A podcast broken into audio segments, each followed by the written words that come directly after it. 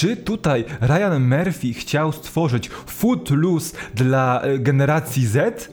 Bo jakby problem jest taki sam. Mamy sobie midwestowy stan, małe miasteczko w midwestowym stanie, w którym zabrania się jakiejś grupie udziału organizacji czy udziału w balu maturalnym.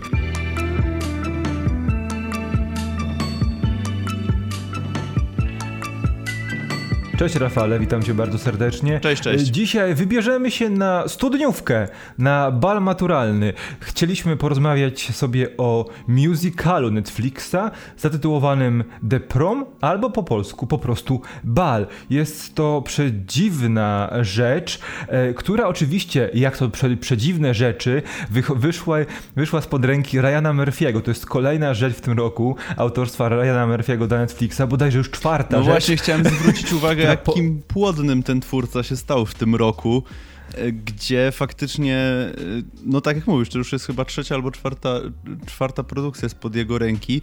E, w tym mamy już też dwa seriale, więc po prostu masakra moim zdaniem. Niemniej jednak fajnie by było, gdyby razem z ilością szła też jakość, natomiast tutaj odnośnie jakości The Prom będziemy trochę trochę rozmawiać, bo mam wrażenie, że masz takie samo zdanie jak ja, że mm, no jest ten film nieco przegięty.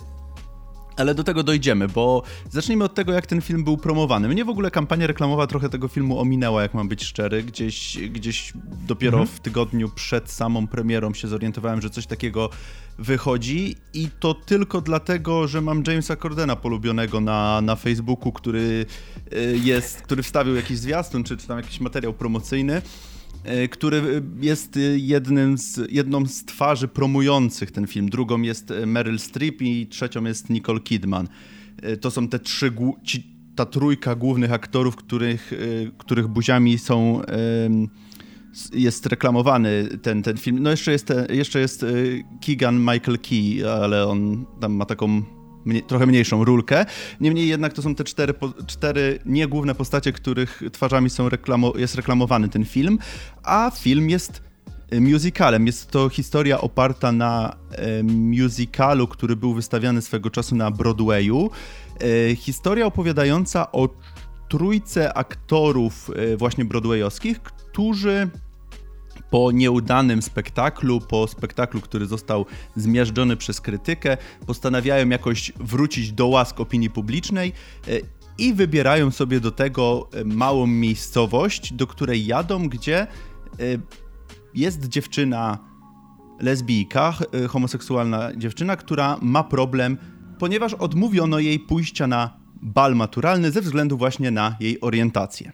E, tak, no powiedzmy sobie tutaj od razu, że to jest małe miasteczko mm. w Indianie, jakieś miasteczko Edgewater i, i wiadomo Indiana, Midwest, te sprawy. E, tylko tu od razu jest prześmieszna rzecz, bo tutaj już nasza trójka, e, czwórka właściwie głównych bohaterów, bo jeszcze jest ten, jest Andrew Runnels, który też jest w, wewnątrz tej paczki tych aktorów A, broadwayowskich. No tak, Oni od razu karykaturalnie są przedstawiani jako ci, którzy muszą znaleźć teraz po porażce spektaklu swojego, po musicalu, muszą znaleźć sprawę, o którą będą walczyć, żeby ocieplić swój mhm. wizerunek. No i na Twitterze e, postaci Nicole Kidman pojawia się właśnie Emma i to, że odmówiono, jej, odmówiono jej udziału w, bal, w balu materialnym przez, przez swoją orientację seksualną i postanawiają pojechać tam. Ale to jest komiczne, bo oni są gwiazdami Broadwayu, a okazuje się, że są biedni Albo inaczej, w pewnych momentach są biedni, a w no pewnych mają pieniądze. I nie wiadomo... Wszystko, wszystko zależy od y,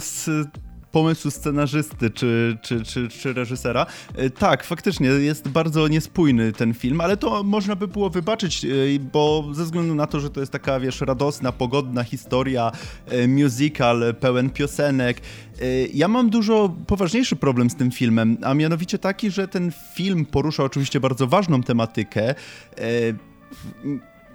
tematykę, która wydawało mi się, że w Stanach y, raczej nie ma tego problemu. Y, myślałem, że to bardziej, że, ten, że te problemy osób homoseksualnych to bardziej jakby domena, nie wiem, chociażby Polski, ale, ale nie Stanów Zjednoczonych. Natomiast tutaj widać, że ten problem jest dość poważny. Y, natomiast do mojego problemu, bo trochę zabrnąłem. Mój, moim problemem jest to, jak mało subtelny ten film jest i jak po prostu... Oj, tak te treści, ten przekaz jest nam wbijany niemalże młotkiem do głowy. Ja do ciebie pisałem w trakcie oglądania tego filmu, że w ciągu pierwszych 10 minut mieliśmy już dwie piosenki o byciu lesbijką i o byciu osobą homoseksualną i o tym, jak jest ciężko i źle i o tym, jak trzeba pomagać takim osobom, y, co w dwugodzinnym filmie, ponad dwugodzinnym filmie, y, już mnie trochę nastawiło do, do tego, jak ta historia będzie, będzie poprowadzona. No i w sumie nie pomyliłem się za dużo, bo y, takiej łopatologii mamy mnóstwo aż do samego końca. Ja mam e, jeszcze jeden, jeszcze jedną uwagę, takie spostrzeżenie. E, to ja pisałem właśnie tobie w naszej konwersacji podczas oglądania filmu. E, czy tutaj Ryan Murphy chciał stworzyć Footloose dla generacji Z? Bo jakby problem jest taki sam. Mamy sobie midwestowy stan, małe miasteczko w midwestowym stanie, w którym zabrania się jakiejś grupie udziału organizacji czy udziału w balu maturalnym. I trzeba zrobić wszystko, aby do tego, aby siłą przyjaźni i tańca i śpiewu stworzyć możliwość zorganizowania tego balu maturalnego. I to jest pierwsza rzecz, która mi się, która mi uderzyła do głowy. A jeśli, o tak od razu, mała reklama. Jeśli chcecie... Yy, dowiedzieć się, co myślimy w ogóle o Footloose, tym oryginalnym z Kevinem Baconem, no to w naszym cyklu klasyki popkultury możecie się zapoznać z naszą opinią. I wracając do, mm, do, tego, do tego filmu. E, wiesz co, bo to jest coś, coś takiego niesamowitego, bo jakby pewnie wydaje mi się, że to sparowanie naszej Emmy z tą grupą tych broadwayowskich aktorów jest celowe, bo wiadomo, taka teoria, taki stereotyp chodzi po, po tej przestrzeni, e, że też aktorzy broadwayowscy to są przede wszystkim osoby homoseksualne. I w naszej grupie aktorów na pewno e, postać Jamesa Cordena e, jest osobą, mm. jest gejem, ale co do pozostałych nie mamy żadnej informacji. Wiemy, że na pewno postać Meryl Streep, Didi Allen no, jest osobą hetero, bo miała męża i rozwija się jej, mały spoiler, romans z dyrektorem szkoły podczas tej, tej fabuły, ale odnośnie naszych postaci, ja mam wrażenie, wrażenie, że one są e, tak jakby podzielone na akty. Każdy, każda z tych postaci ma do odegrania jakąś rolę w którymś akcie. E, najpierw, najpierw Meryl Streep i James Corden, później nasz e, ten Andrew Runnels, a później Nicole Kidman i w finale wszyscy, wszyscy Łączą znowu się niczym pomagają. To było mm, to było bardzo topornie zorganizowane. Zgodzę się, zgodzę Ale... się faktycznie mam wrażenie, że te postacie w ogóle są strasznie te tekturowe, no jakby to nie powinien być z jednej strony zarzut, mm -hmm. bo to jest musical, to musical, ale wydaje mi się, że jakby sprawny reżys sprawna reżyseria i dobry scenariusz, dobre dialogi przede wszystkim są w stanie jakby wykrzesać chociaż parę cech z każdej postaci, natomiast tutaj e, te ci aktorzy, ta grupa aktorów, oni są po prostu szaleni wyzwoleni i, I egoistyczni, nietuzinkowi i bywają, e, i bywają egoistyczni. I to jest tyle. I jakby te postacie nie mają w ogóle charakteru żadnego, nie mają żadnej historii, nic za nimi nie stoi. Co prawda mamy te wątki, mamy ten wątek miłości Meryl Streep, mamy ten wątek um, Jamesa Cordena i jego matki, ale jest to tak zrobione po macoszemu. Mam, odniosłem takie wrażenie, że tylko po to, żeby namnożyć wątków i wydłużyć czas trwania tego filmu. Zdecydowanie. Ja chciałbym e, przejść do najbardziej niepokojącej rzeczy w tym filmie, bo e, nasza główna bohaterka, Emma, ona jest otwarcie lesbijką, ale ma dziewczynę, która cały czas nie zrobiła coming outu, cały czas jest w szafie, jest to Alisa. I bardzo szybko okazuje się, że jest to córka postaci Kerry Washington, która jest całą sprawczynią tego, co dzieje się, oczywiście, że to musi, musiało tak, tak być w tym filmie, e, całą sprawczynią tej sytuacji, e, z którą Emma chce sobie poradzić. E, I wiesz co, tu miałem problem, bo okej, okay, one sobie mówią, że pójdą na studniówkę razem, że Alisa się ujawni matce w takim momencie, że ona nie będzie mogła jakoś specjalnie emocjonalnie zareagować. Wszystko okej, okay. ale w pewnym momencie okazuje się, że Alisa nie jest jest pewna tak naprawdę tej swojej decyzji. E, no i jest, nie jest, niekoniecznie jest osobą gotową do coming, na coming out, prawda? I Emma z jednej strony chciałaby być z nią razem publicznie, ale próbuje ją zmusić do tego, aby poszła z nią oficjalnie się... na studniówkę, aby została jej oficjalnie w życiu publicznym jej dziewczyną. I to jest problem, bo i to jest, to jest zły przykład e, rozwoju takiego, takiego, takiego związku, bo ja rozumiem e, fabularnie, że Emma chce być z kimś, kto jest gotowy na to, żeby być wyautowanym w życiu publicznym. No ale musimy też patrzeć na to, że Alisa będzie gotowa, kiedy będzie gotowa i to zmuszanie jest mocno problematyczne. I tutaj od razu nawiązanie do innego tegorocznego filmu, no niestety niedostępnego w Polsce, ale trzeba pokombinować, żeby go obejrzeć, e, do filmu świątecznego Happiest Season z Kristen Stewart i e, Mackenzie Davis. Tam wąt, tam jakby fabuła oscylująca wokół tych głównych postaci jest bardzo podobna i też wychodzi, e, wychodzą problemy z racji tego, że jedna osoba nie jest gotowa na to, żeby być w życiu publicznym wyautowana. I wydaje mi się, że to jest dosyć niepokojące zjawisko, bo jasne, dla fabuły super byłoby, żeby dziewczyny były razem, żeby nie przejmowały się niczym, no ale każdy dochodzi do tego miejsca w swoim życiu w inny sposób i to fabularne zmuszanie bohaterki nie jest fair, według mnie. Y, Dziękuję. Proszę bardzo.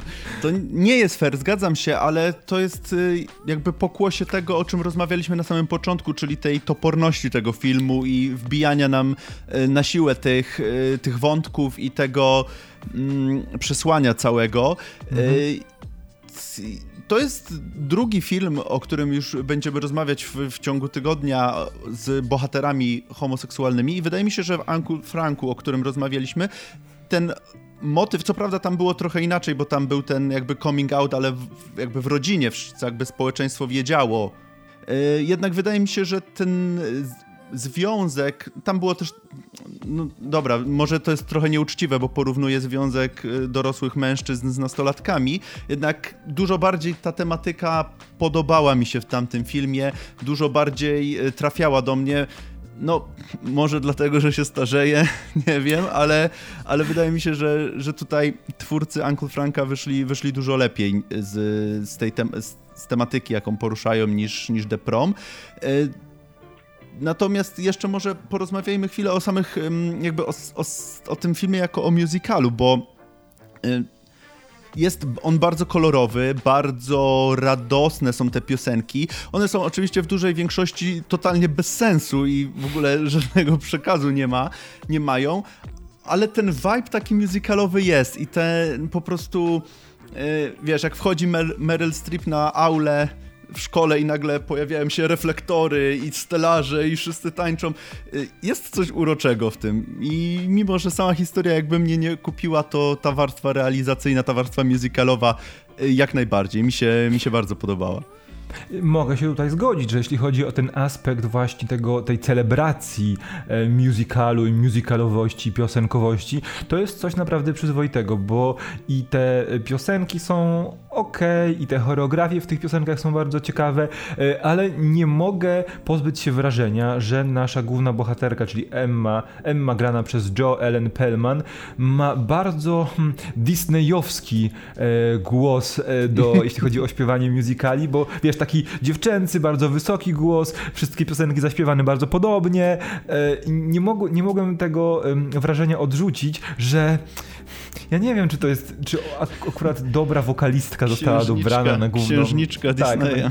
Na, na, główną postać. Tak okej, okay, ale czegoś więcej bym tutaj chciał. W mhm. ogóle... Mm, sam Corden mówił, że on jest bardzo szczęśliwy, że ten film w ogóle powstał, bo oni kończyli go kręcić e, tuż przed, e, na początku, na początku marca, czyli tuż przed największą, pierwszą, pierwszą dużą falą e, koronawirusa, zarażeń. Więc jakby już e, Corden nakręcił wszystkie swoje sceny jeszcze przed pandemią, ale na przykład właśnie Joellen Perlman musiała w dość nieprzyjemnych warunkach kończyć kręcenie swoich scen, więc dobrze, że im się udało, bo też ten film takie właśnie świętowanie tego wszystkiego, co związane z musicalem, z radością i też właśnie z przełamywaniem barier, bo nasza bohaterka w końcu decyduje się podjąć jakieś działania w kierunku tego, aby aby więcej w Indianie nie doszło do takiego zjawiska, jakim ona, e, jakiego ona została ofiarą, więc tak jest nadzieja w tym wszystkim, tak na koniec. No tak, z, z, pozytywnych rzeczy to, to, to tyle faktycznie, bo jest, jest ta nutka, ten prom, promyczek nadziei. Przechodząc do podsumowania, mam wrażenie, że ten film jest jedną wielką wydmuszką. Jest przepiękny, y, bardzo, tak jak rozmawialiśmy, ma bardzo ładną choreografię, fajne piosenki. Y, natomiast no, z tym przesłaniem jest dużo gorzej. Jest ono, moim zdaniem, bardzo. Tutaj twórcy wykazali się brakiem wyczucia, yy, straszną łopatologią Wręcz mam wrażenie, że robi odwrotną robotę do tej, którą miał wykonać.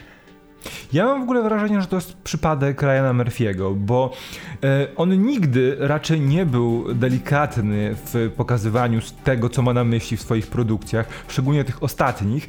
I to wszystko zależy od konwencji, bo o ile w Hollywood to się sprawdziło, o ile w e, The Politician to miało rację bytu, tak tutaj to łopatologiczne tłumaczenie nie przystaje do konwencji, jaką jest musical i niestety, mimo że musical też jest przesiąknięty stereotypami, no to nie takimi.